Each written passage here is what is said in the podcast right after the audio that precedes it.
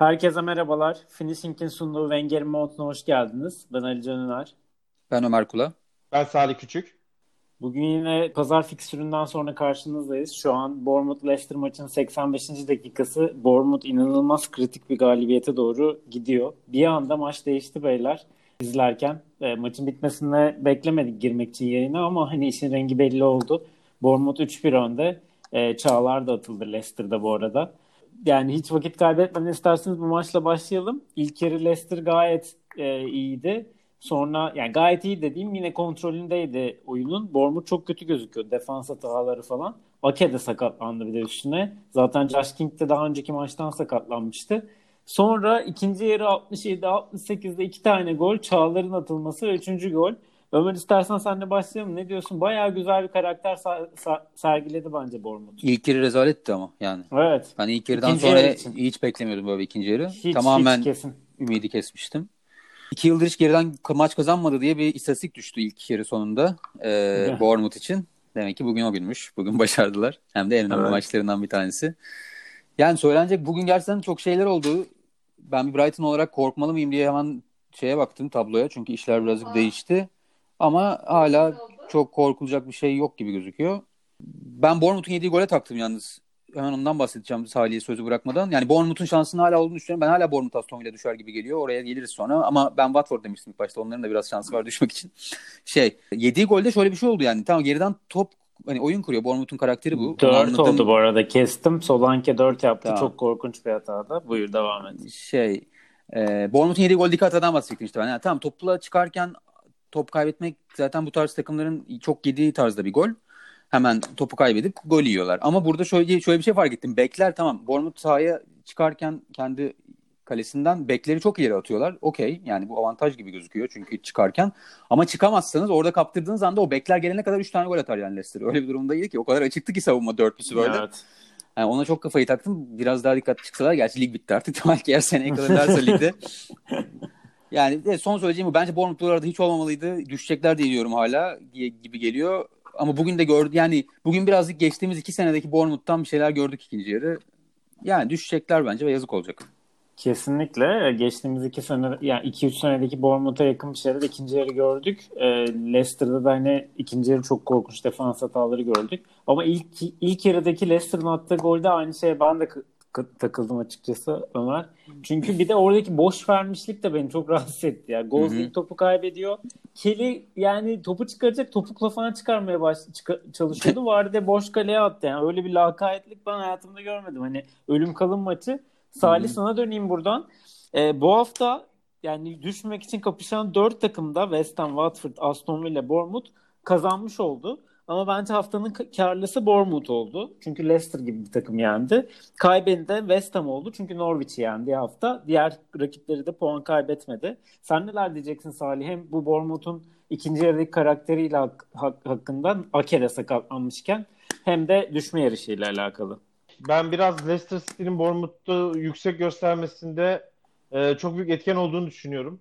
E, korkunç bir ikinci yarı oynuyorlar. Birbirden ya bir defa maç hakkı hiç girmeyeceğim. Ömer çok güzel özetledi.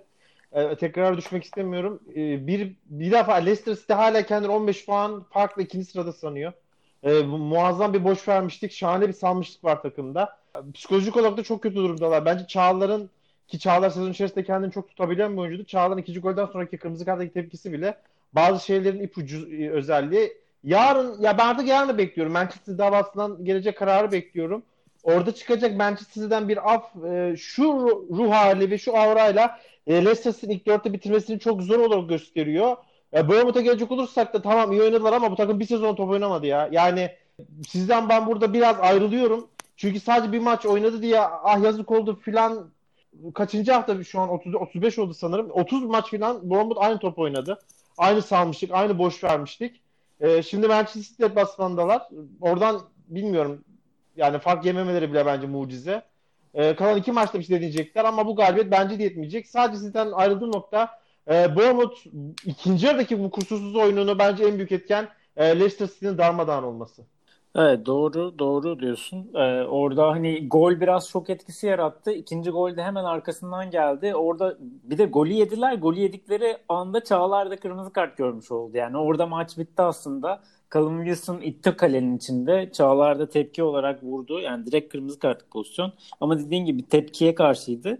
Bu arada Watford'un da fikstürü bayağı zor. Bilmiyorum baktınız mı? Evet. Watford'da gidebilir gibi geliyor bana. Şimdi biraz sıkıntı oldu yani. Ya Watford. Watford'la Aston Villa'nın fikstürü neredeyse aynı. Evet. Birbirini takip ediyorlar anladığım kadarıyla evet. onlar. Hı hı. Aynen. Bakalım yani güzel karışabilir bence önümüzdeki haftalar. Umarım güzel bir yarış izleriz ama Ömer Brighton şey ya Brighton şey olmaz şey olmaz. Ama zaten Brighton'un maçları da bakmadım. Ben de bir Newcastle maçı var diye hatırlıyorum. Newcastle da artık ligi bıraktı. Brighton bir galibiyet alır bence önümüzdeki 3 maçtan. Aynen. E, Leicester'da tabii Chelsea'nin kazanam kazanamadığı haftada bayağı bir fırsat tepti diyelim. E, isterseniz diğer maçımıza geçelim. Hı hı. Ekleyeceğiniz bir şey yoksa. Bu arada Yok. Solanke iki tane gol attı. Yani Solanke yerinde birine soktuk defalarca ama bugün iki tane golle döndü. Diğer maçımız... Yarın e, çok üzülüyorum. Var. Yarın United yenerse de Leicester City ilk dördün dışında kalıyor. Bu küçük bilgi de verelim. Tabii aynen. Diğer maçımız da aslında bir derbi. Kuzey Londra derbisi. Tottenham Arsenal maçı. Salih burada artık sen hak ettin bugünleri. Ee, bu maçın kazanması. İki haftadır bayağı sövüyorsun Mourinho'yu ama bugün fena bir takım yoktu e, sahada. Sen de bir Mourinho sever olarak senden biraz dinlemek istiyorum maçı. Arsenal'ı da fena. Yani Tottenham fena başlamadı. Arsenal dengeledi. Lacazette harika bir gol attı ama çok iyi bir cevap geldi hemen sondan e, dönüşünde. E, neler söyleyeceksin maçla alakalı? Çok bence ilaç gibi bir galibiyet oldu Tottenham için. Ne kadar iddiası kalmasa da. Evet. E, bir defa bir derbi galibiyeti ne olursa olsun. E, bir de bir de maçtan önce şeyde iki hafta iki hafta önce diyorum artık o kadar alışmışım ki hafta normal iki maç önceki Sheffield United'ın Tottenham 3-1 yendiği karşılaşmada Arsenal sosyal medya hesaplarından biraz Tottenham'ı küçük düşüreceğim iğneleyici. Abi çok da normal ama işte biliyorsunuz Mourinho'nun bu konulardaki tepkisini. E, bir paylaşım yapmıştı. E, Mourinho da üstü kapalı bir şekilde benim Arsenal'a karşı olan istatistiğimi ve CV'mi herkes bilir. Onlar olan maçta görüşürüz tarzında e, bombayı bırakmıştı. Yani o, o maça biraz bilenmişlikle de başladı ki e, hem Wenger'e Chelsea döneminde Wenger'ın üstünlüğü daha sonra United döneminde Arsenal'ın üstünlüğü ikinci Chelsea döneminde de Arsenal üstünlüğü var. Mourinho'nun sanırım yanılmıyorsam evinde zaten ne mağlup ama e, tüm Arsenal kendi e, ve çalıştığı takım boy- daha boyunca da sadece bir mağlubiyeti var diye biliyorum e, Arsenal'a. O da Wenger'in son sezonunda diye hatırlıyorum eğer yanılmıyorsam. Bir defa bu hikayenin eşiğinde başladı karşılaşma. E, ben bir bire kadar karşılaşmayı ve toplamı çok beğendiğimi söyleyebilirim. E, gitgelli bir maçtı. İki takım da zaten defansif yönlerde rezalet olduğunu biliyoruz. E, ve bir bire kadar maçtan çok zev- zevk aldım ama bu takımların kalite, biraz da kalitesizliğinden kaynaklanan bir zevkti. Özellikle defans hatlarında. Şeyin toplamın attığı golü söylemeye gerek yok zaten. Orada çok güzel bir imece usulü. Arsenal defansının imece usulü bir gol var ve her ne kadar biz 3-4-3'ün Arsenal iş yaradığını söylesek de bunun sebeplerinden biri de çok daha denenmemesi ve sınanmamış olmasıydı. Ve burada ilk sınamada zaten muazzam bir gol yediler. Yani yoktan var ettiler gol açıkçası. Her ne kadar işte e, bazı yorumlarda ve yancı kuruluş sorun takibi deseler de hayır. Bu tamamıyla Arsenal defansının kendi kendine yarattığı bir gol olarak ben bunu kaydediyorum. Fakat bir birden sonra 2-1'e kadar olan uzun sürede Tottenham o kadar çok boş koşu yaptı ki. Yani bomboş koşular yaptı. Arsenal top çeviriyor mesela. Böyle yarı tiki taka vari toplar. Hazırlık pasları. Ve bunu Tottenham yine kendi sahasında kabul ediyor. Tamam ama Arsenal topu çevirirken 10 tane oyuncu Harry Kane hariç 10 tane oyuncu sürekli o topun etrafında koşuyor. Ama topu almak için değil. Koşu yapıyor. Pas yerine gidiyor. Presi bırakıyorlar. Bu yani ben az çok ne bileyim 15-20 senede futbol maçı izlerim. Ben bu kadar işe yaramayan ve manasız pres az görmüşümdür. Hiçbir manası olmayan bir pres yaptı Tottenham. 2-1'den sonra da tamamıyla Yine top Arsenal'da gibi olsa kalsa da oyunun kontrolünü eline aldı ve 3-4-5'te gelebilirdi. Çok fazla kontratak da buldu. Burada şunu söylemek istiyorum. Bu kadar formsuz ve zayıf bir üçlü bulmuşsunuz. Mustafi, Luis ve Kolasinac. Mourinho bunu çok daha üstüne gidebilirdi. Çok daha fazla fark yaratabilirdi. Çok daha fazla pozisyon bulabilirdi. Ama 1-1'den 2-1 arasındaki olan süreçte ben yine çok fazla tepkisiz kaldığını düşünüyorum. Bunu e, tekrarlıyorum. Topu 3. alanda kabul etme al- alakası yok kontra denemiyorsunuz. Çünkü kontra denemek için topu alıp hızlı çıkmanız lazım. Bunu da yapmıyorsunuz. Sadece paralel koşular yapıyorsunuz. Ee, ben karşılaşmanın genel olarak beraberlik olduğunu düşünüyorum. Ama sonuç olarak baktığınızda Everton maçından sonra kendi sahanızda Arsenal hem hoca olarak hem de takım olarak büyük bir takım yenmek e, ve bir daha bir galibiyet almak tabii ki güzel. Kafamdaki tek soru işareti şu son olarak. E, Mourinho böyle galibiyetlerde çok haklı olduğunu düşünüp kibrine yenilebilen bir teknik adam. Ama umarım hiç umudum yok ama bu maçtaki yanlışlarını e, veya bazı hatalarını, bazı reaktif durumlarını da e, göz önüne alabilir diye umut etmek istiyorum açıkçası. Anladım. Güzel özetledin. Ee, Ömer sana da döneyim burada. Yani biraz Arsenal için kötü bir mağlubiyet oldu bence. Çünkü o defanstaki o üçlünün, o yanan üçlünün tekrar böyle hiç güvenilmeyecek bir üçlü olduğu anlaşıldı. Ee, biraz hani üçlüye döndükten sonra toparlamışlar demiştik biz ama Salih'in dediği gibi yani çok da test edilmeyen maçlar oynadılar tabii ki. Geçen hafta kapıyı kapatamamışlardı Leicester'a. Bu hafta da Tottenham'a 1-0'dan mağlup oldular. Sen neler söyleyeceksin maçla alakalı? Salih öncelikle yine kalitesini konuşturduğu hiçbir şekilde skora skor yorumculuğu yapmadan. Tam %100 katılıyorum yani dediği her şeye. Ben iki takımın da ikinci yarı. Önce ilk yarıdan başlayalım. Tamam evet Arsenal ben yani Arsenal yine 3-4-3'te çıktı. Bence bununla çıkacak sene sonuna kadar. Bu hataların bence hiçbir önemi yok bu arada. En azından önümüzdeki sene için. Ben bu üçlüye çıkacağını sanmıyorum. Önümüzdeki sene de üçlü oynasa Arsenal. Bir kere Kolasinac orada oynamayacak yani. Orası yüzde yüzde bir milyon. Ee, o yüzden hani bu Kolasinac için sağ ayağıyla verdiği saçma sapan pastan gelen golün de bence hiçbir önemi yok. Arsenal'in geleceği açısından. Ee, zaten arada bu sene de bir şeyleri kalmadı. İki takım da, iki teknik direktör de bir Kuzey Londra derbisi kazanalım kafasındalardı bence. Özellikle ilk yarıda bu çok belli oldu yani. İki takım da çok iyi başladı. Çok canlı ve isteklilerdi. Ki benim son 10 yıldır en sevdiğim maçlardır hep Kuzey Londra derbileri. Ee, çok zevkli geçiyor ya. Ya kimin ve ikisi de doğru şampiyonluğa da oynamadılar bu 10 senede. Bir iki tane istisnayı saymazsak. Ama gerçekten hiç korkmadan genelde gollü geçer, pozisyon olur, yüksek tempo olur. Hep öyle izledik yani maçları. Genelde öyle kavga, gürültü, 0-0 maçlar çok çok azdır yani Tottenham Arsenal'de. İki takım top oynamaya çıkar yani. Kaybedecekleri de bir şey olmaz bu maçtaki gibi aslında. Ama bir yandan da iki teknik direktör de yeni olduğu için bence ikinci yarı hani ilk yarı ne kadar kazanmak için çıktılarsa bence ikinci yarı ikisi de şey oldu. Abi tamam hani kaybetmeyelim bir bir çıkalım şuradan. Çok da başımız ağrımasın. Zaten bir şey yok bu sezonda. Boşu boşuna şimdi yenilmeyelim kafasındalardı. Ben çünkü Arsenal'de pek bir istekli görmedim ikinci yarı. Evet. Bence Tottenham için belki de en önemli şeylerden bir tanesi Kane ile sonun aynı anda ilk 11 oynaması. Yani ben benim en hoşuma giden şey bu oldu. Çünkü Aynen. bu Mourinho'nun çok denemediği bir şey yani. Aynen. La, Lacazette'in golü de çok iyi değil çok miydi güzel. ya? Hı-hı. Çok, çok iyi değil. Bu arada çok küçük bekleme yapmak istiyorum. Ne kadar Arsenal'ın korkunç bir defans hattına sahip için bir tane pozisyon canlanacağım aklınızda. 2-1 iken Kane sol ceza sahasının sonunda bir top aldı ve Mustafa orada çok garip böyle bir Abi kadar, gibi. Ne kadar kolay çalım attı orada ya Kane. Bak hiçbir orada da leg var gibiydi. Kendi kendine çalım attı. Hakikaten leg var gibiydi orada. Şok oldum ben orada. Aynısı geldi aklıma. Ya bir de kayan müdahale yapmaya çalıştı ama 2 metre yani. gerisine kaydı yani Kane'in. Çok garip Hayır ben yani. pozisyonu şöyle izledim hatırlıyorum. Top Kane'e geldi. Kane gidiyor. Hatta şey diye düşündüm. Ya bu Kane'de bir türlü o fiziksel şeyini göremiyorum. Bir keskin değil yani. Ağır derken ben bu cümleleri kurarken ağır ağır Kane böyle yürüye yürüye geçti Mustafa'yı yani. evet evet çok enteresan kaydı orada. Hakikaten garipti. Diyelim. E, ekleyeceğiniz bir şey yoksa isterseniz evet. diğer Yok. maça geçelim. Bugün e, Wolves Everton e, Wolves geri döndü. İki maçlık muhalefetlerden sonra e, geri dön diyebiliriz. Üç tane attılar bugün Everton'a. Everton yani biraz içler acısıydı bugün açıkçası. Üçlü başladı. Digne defansın üçlüsünün solundaydı. Baines kanat bek gibi oynadı. Ama Digne penaltı yaptırdı. E, sarı kart gördü. Maç boyunca da bir gergindi. Özgüvenini de kaybetmiş gibiydi. Ömer senle başlayayım. Ya öncelikle bu üçlüyü nasıl buldun? E, onu sorayım. Yani bu kararı nasıl buldun? İkinci sorumda paralel olarak e, Digne niye üçlünün solunda kullanıldı? Çünkü Digne aslında to- Everton'ın en yaratıcısı oyuncusu. E, yani hem asistleriyle hem o soldan yarattığı biraz yaratıcılık da geçen hafta Richarlison'a golü attırmıştı hatırlayacaksın. Hı hı. E, onu defansa hapsetmek e, bence bir garip oldu açıkçası. Neler söyleyeceksin? Bana da çok Sen garip geldi. ile alakalı. Yani ama buna bir açıklamam yok açıkçası. Yani çok da güzel bir soru sordun. Çünkü ben de maçta düşündüm. Baines'i oynattı önünde evet. Dean'in. Ben tam tersini yapardım. Hatta Baines'i oynat oynamıyor yani Baines normalde çok fazla. Yani ben kadroda bir sakatlık ceza durumlarını da hiç hiç bilmiyorum açıkçası yani Everton'ın. E, Holgate yoktu. Ama yine bir ha mesela ama yine bir yorgunluktan dolayı mı olabilir acaba dedim. Çünkü şimdi artık takımların kadroları çok değişiyor. Yine hep konuşuyoruz bunu. O yüzden onun nedenini bilemiyorum. Ama onun nedeninden apart apayrı bir durum var Everton'da açıkçası yani. Zaten Ancelotti de maçtan sonra çok şikayetçiydi bu durumdan. Ben resmen Ancelotti şey durumunda düştü bence şu an. Ya bu oyuncu grubuna ben nereden düştüm abi falan durumunda yani. yani bu kadar mı ruhsuz bir tepkisiz? Zaten ona ona dert yanıyor adam. Şey diyor. Biz önümüzdeki 3 maçı da kaybedelim diyor. Hiç önemli değil ama karakter koymamız lazım. Bu önümüzdeki 3 maç çok önemli diyor karakter koymamız için ve maçların sonucunun hiçbir önemi yok diyor benim için.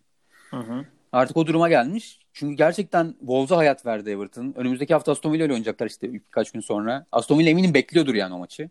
Tabii. Kazanabileceğimiz bir maç olarak. Ve yani Wolves bu arada bayağı da iyi oynadı. Bunda dedi yine hep rakibin bir etkisi oluyor tabii ki. Yine Everton'ın o yani ölü gibi oynamasının etkisi vardır mutlaka. Ama Wolves da gerçekten kalite koyuyor yani. Kadroya bakıyorsun. Yani o Neves'in pası nedir mesela Jota'ya? Çok iyiydi hakikaten. İnanılmaz Jota'nın. Alışava'ya vuruşu da çok Ha, iyiydi. Jota da bu takımın ilk kurulduğunda bu takım şampiyonşipte iki sene önce takımın en genç vadeden yani FM deyimiyle Wonderkid'iydi. Ama hep onun önüne başka adamlar geçti zaman içinde. Ama hala çok genç Jota ve formda bazen yani ara ara inanılmaz parlıyor yani. Ben hala bir beklentim var Jota'dan. Abi karar makinesinin mekanizmasının çok kötü olduğunu düşünüyorum ben ya. Hmm. Böyle şut vuracağı yerde pas atıyor, çalım atacağı yerde vuruyor ya da işte vuracağı yerde çalım atıyor falan. Ama arada da böyle saçma sapan e, hareketler, çok iyi hareketler de yapabiliyor. Bu arada ben bugün Podens'i de çok beğendim. Penaltı aldı. Yeni bir oyuncu aynen. Aynen. Çok yetenekli bir oyuncu gibi geldi bana. Salih sana geçelim istersen. Ee, Ancelotti ceket tişört kombinasyonunu da değiştirmiş maçta. Üçlü savunmayı Her şey deniyor gibi. hocam ya. Evet, Aynen. başladı hocamız. Aynen. Poloyla, polo yaka bir tişörtle çıktı. Yani uzun kollu bir tişörtle çıktı ama Everton hakikaten içler acısı ya. Yani zaten Ömer de iyi özetledi. Ben bu arada kadro sıkıntısı olduğunu da düşünüyorum. Yani ne olursa olsun Everton'ın kadrosu hiç iyi değil bence. Yani bilmiyorum siz katılmıyorsunuz, Ya, katılıyor musunuz? e, Tarihe vermeden hemen bu konuda bir geçen programda da bunu konuştuk abi ama geçen hafta kime yenilmişlerdi bunlar ya 2-3 gün önce. Yani yenildikleri takımlardan da kötü değil Everton kadrosu. Onu hani ne bileyim Burn, Southampton'la berabere kaldılar. Ha, mesela- Ondan önce de Tottenham'ı yenildiler. Evet. mesela önlerinde Burnley var. Burnley önlerinde bitirecek. 5 puan fark atmış. Şimdi Burnley'den kötü kesinlikle değil ama Burnley'in yaptığı da mucize diyebilirsiniz. O zaman o da bir şey diyemem. Ya evet ama hani Burnley yıllardır oturmuş bir takım. Şimdi Everton bir, Tabii. bir de Everton'la Burnley'nin amaçları da çok bir değil. Tabii, yani tabii. Burnley bütün maçları neredeyse underdog çıkıyor. Everton aslında yani 10 maça falan e, favori olarak çıkan bir takım. Salih sen neler diyeceksin? Ve kadro yeterli mi? Değil. Tamam kabul. Ama çok korkunç iki tane istatistik vermek istiyorum. Bu belki de senelerce Premier Lig'de görülmeyecek bir istatistik. Geçen Bournemouth Tottenham karşılaşmasında Tottenham'ın biraz kaleye şut çekememesiyle alay etmiştik ama bu çok daha ağır. Üçüncü alan dediğimiz kısımda e, Wolves'un üçüncü alanında sadece altı pas yapmışlar ve e, Wolves'un ceza sahası içerisinde pas yok Everton'ın. Hiç Of. yok. Hiç Of. yok. Sıfır. Yani topla buluşma var. Hani first touch var. Ama daha sonra aynı Everton'da başka bir önce giden pas yok. Bence bunu kadroyla açıklayamazsınız. Bu çok başka bir şey. Ee, ve dilediniz mi bilmiyorum Coleman'ın da maçtan sonra rezalet performans. Ee, eğer böyle devam ederse hocanın arkasına saklanamayız. Hadi görüşür denir, e, denir ve e, takımdan da gönderiliriz. Bizi kovmakta da haklılar gibi son derece e, pragmatik ve gerçekçi bir açıklama yapmış. Her ne kadar bir serbest düşüş falan hani amaç yok e, veya ne bileyim üst alt belli desek de bence son bir aydaki e, özellikle son iki haftadaki Everton'ın e, açıklaması çok zor hareketleri var. E, yani toplumu da biliyorsunuz topluma karşı pozisyon bulmak gerçekten çok zor bir şey değil. O maçta bile hiçbir şey gösterememişlerdi. Bugün ceza sahası içerisinde pas yapılamaması açıklaması oldukça zor bir durum. E, Carlo Ancelotti bence şimdiden gelecek sezonun altyapısını düşünmeye başlamıştır. Aynen. Aynen. Ya umarım. Aynen. Umarım. Ama Ya işte arada- bayağı da oyuncu değiştirmesi lazım. Buyur, buyur ama. Ha yok yok yani takımların iddiası kalmasa da futbolcular psikolojik olarak seneyi düşünmüyorlar mı ya? Ne bileyim bazı futbolcuların gönderilme ihtimali var. Bazı futbolcular hakkında kararsızdır evet. yönetim. Ne bileyim futbolcular herhalde öyle bir dertleri yok mu? Bilmiyorum ki. Ya bilmiyorum çok ama hücum açısından bence şu an Norwich'ten bile az heyecan veren bir takım yani Everton o kesin. E, Wolves'a geri döndük dedik. E, isterseniz son maça da geçelim. Hı hı. Aston Villa Crystal Palace maçına. Bu da bir e, diğer bir ölüm kalım maçıydı. Aston Villa bir şekilde kazanmayı bildi. Trezeguet iki tane gol attı E, ve 2-0 kazandılar. Crystal Palace'ın korkunç grafiği de devam etti. Son bakıyorum yani Chelsea maçında iki gol buldular ama son 5 maçını kaybetmiş oldular. Bunun da dördünde gol bulamamışlardı. Ee, neler söyleyeceksiniz Salih senle devam edelim istersen. Çok kritik bir galibiyet. Trezeguet'in katkısı geldi. Buyur. Bu maçı ben izleyemedim. Ya bugün izleyemedim tek maçtı. Daha sonra geniş özetini bir izleme imkanım oldu. Aslında biz Aston Villa maça yine iyi başlayamamış pek. Fakat daha sonra ilk biraz şey maçı gibi olmuş. Bournemouth Leicester City ilk golü bulduktan sonra da tamamıyla oyunu kontrol altına almış. E, Palace'ı hem düşük formda yakalamak hem de e, oldukça formsuz yakalamak ve e, amaçsız şu an bu düşme hattına yakın olan takımların e, veya düşmek üzere olan işte Villa gibi Bournemouth gibi takımların en büyük şansı olabilecek tek şansı böyle amaçsız takımları bulduğun yenebilmek. Zaten başka hiçbir e, şeyleri yok, ihtimalleri yok yani ligde kalmak için. Brighton'da da West Ham'da da o Norwich galibiyetleri biraz rahatlattı biliyorsunuz. Villa için de bu artık son bir hedef maçıydı. Palace'ı yendiler ve rahatladılar. Ee, ha, ben özete baktım. Ha 90 dakika adına konuşamam. Çok iddialı bir şey söyleyeyim ama özetten de ben hala Villa'yı o beklediğim işte şey olmamış. Yani biraz şans yanlarındaymış. Biraz da o Palas'ın biliyorsunuz çok statik bir takım. O biraz Evet. götürmüş. Kalan maçlarda da yine bir avantajı var. Aynı Palace gibi çok kötü bir Everton'la oynayacaklar. Kaleye gitmekte zorlanan ve amaçsız bir Everton'la oynayacaklar. Everton'ı da yenerlerse ben hala Bournemouth'un bu arada e, ligde kalacağını çok çok çok izah ihtimal veriyorum. Ama Aston Villa Everton'ı yenerse e, yine havlatmış bir Arsenal ve eğer son maça tamamıyla bir süre yazı yazıyorum şu an. 32. haftada ligde kalmayı garantilemiş West Ham'la oynarlarsa o zaman bir ihtimaller olabilir. Ama sen sormadan ben söyleyeyim ben hala Villa'nın kurtulamayacağını düşünüyorum. Niyeyse. Hala düşecek diyorsun. Sen neler diyorsun Ömer kısaca? Yani ben ilk başta Aston Villa düşmez diyordum. Benim Watford'tu adayım. Watford yavaş yavaş geliyorlar ama. Aston Villa'yı ben bugün şöyle beğendim. Yani çok savaştılar. En azından önümüzdeki 3 hafta için pes etmeyeceklerinin sinyalini verdiler. Bu da bir şeydir. Ve yenebilecekleri maçlar diye bakıyorum önündeki 3 maça Aston Evet. Böyle bir avantajları var. Tabii ki ya Salih'in dediği gibi Palace'la oynamaları avantaj. Çünkü Palace bitirmiş abi yani. O da bitirenlerden. 3-4 tane takım Evet. kontak kapattı. Bir, Bir, an önce Palace. bitsin diye bakıyorlar. Evet aynen.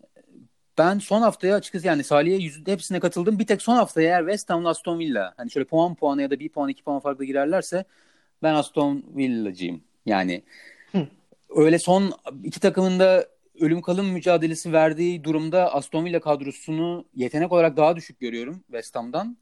Ama sanki daha savaşabilirler gibi geliyor. Yani West Ham'da öyle bir karakter gör- görmüyorum o kadroda. Bilmiyorum tabii. O kadar Evet, tanımıyorum ama. ya, o Böyle bir isim var yani. Son haftaya kalırsa işte West Ham Aston Villa oynuyor. Çok Aynen. Fena, fena. çok, çok fena. Şeyde de şeyleri çok beğendim bu arada. Yani Aston Villa'da Douglas Luiz orta sahada maçın benim için oyuncularından bir tanesiydi. Ve tabii ki adını çok zor okuduğum Elmo Hamadi. Evet. O da fena oynamadı bugün. Hı hı. Gerçekten. O da bugünün iyilerinden. Aynen. Ama tabii yani Trezeguet'in, işte Samatta'nın, McGinn'in, Hurricane'in falan katkılarını hep bekledi yani bu sene Grealish. Hiç gelmedi yani bu maça kadar. En sonunda Trezeguet bugün iki tane gol atmış oldu. Ee, bakalım yani bu sonradan açılma bir şey gösterecek mi bugünkü galibiyet? Hala zor şansları diyelim. Ekleyeceğiniz bir şey var mı?